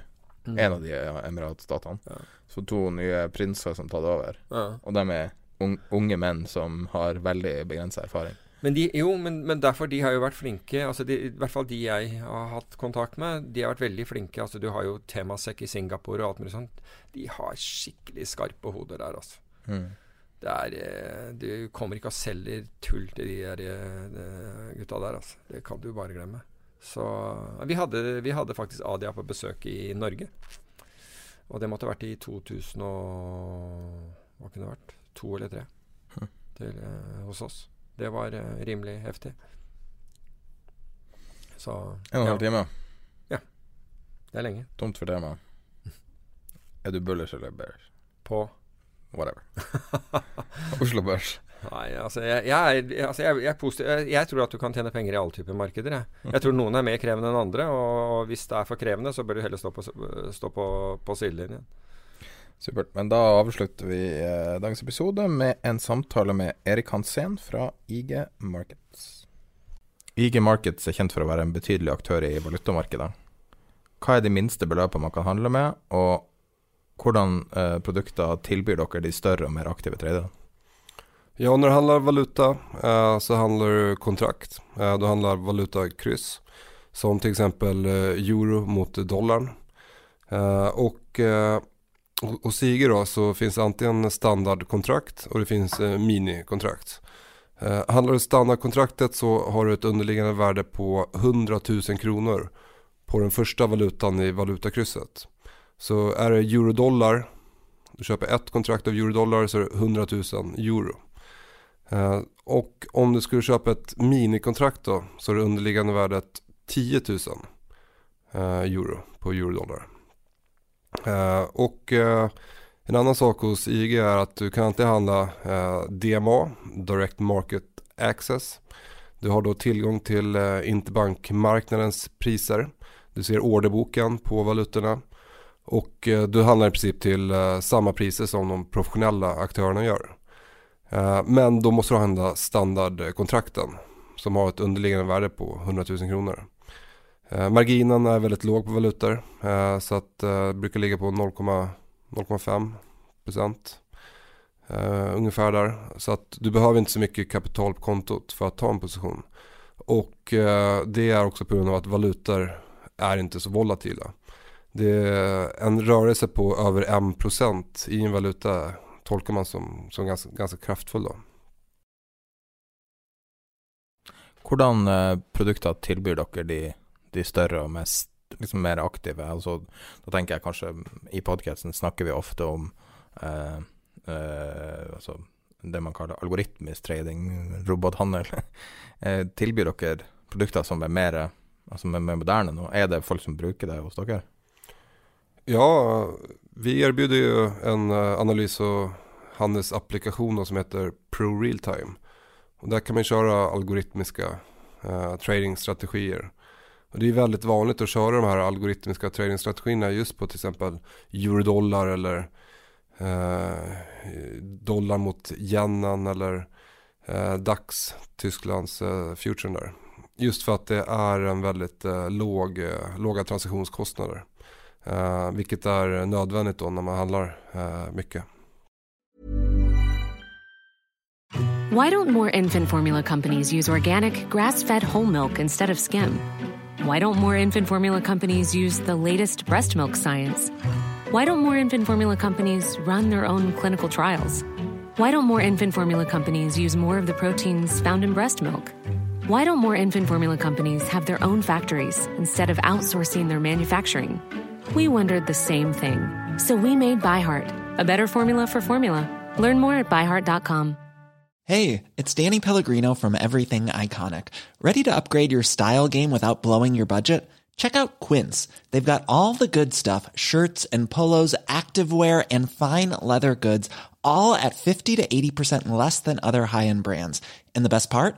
They're all about safe, ethical, and responsible manufacturing.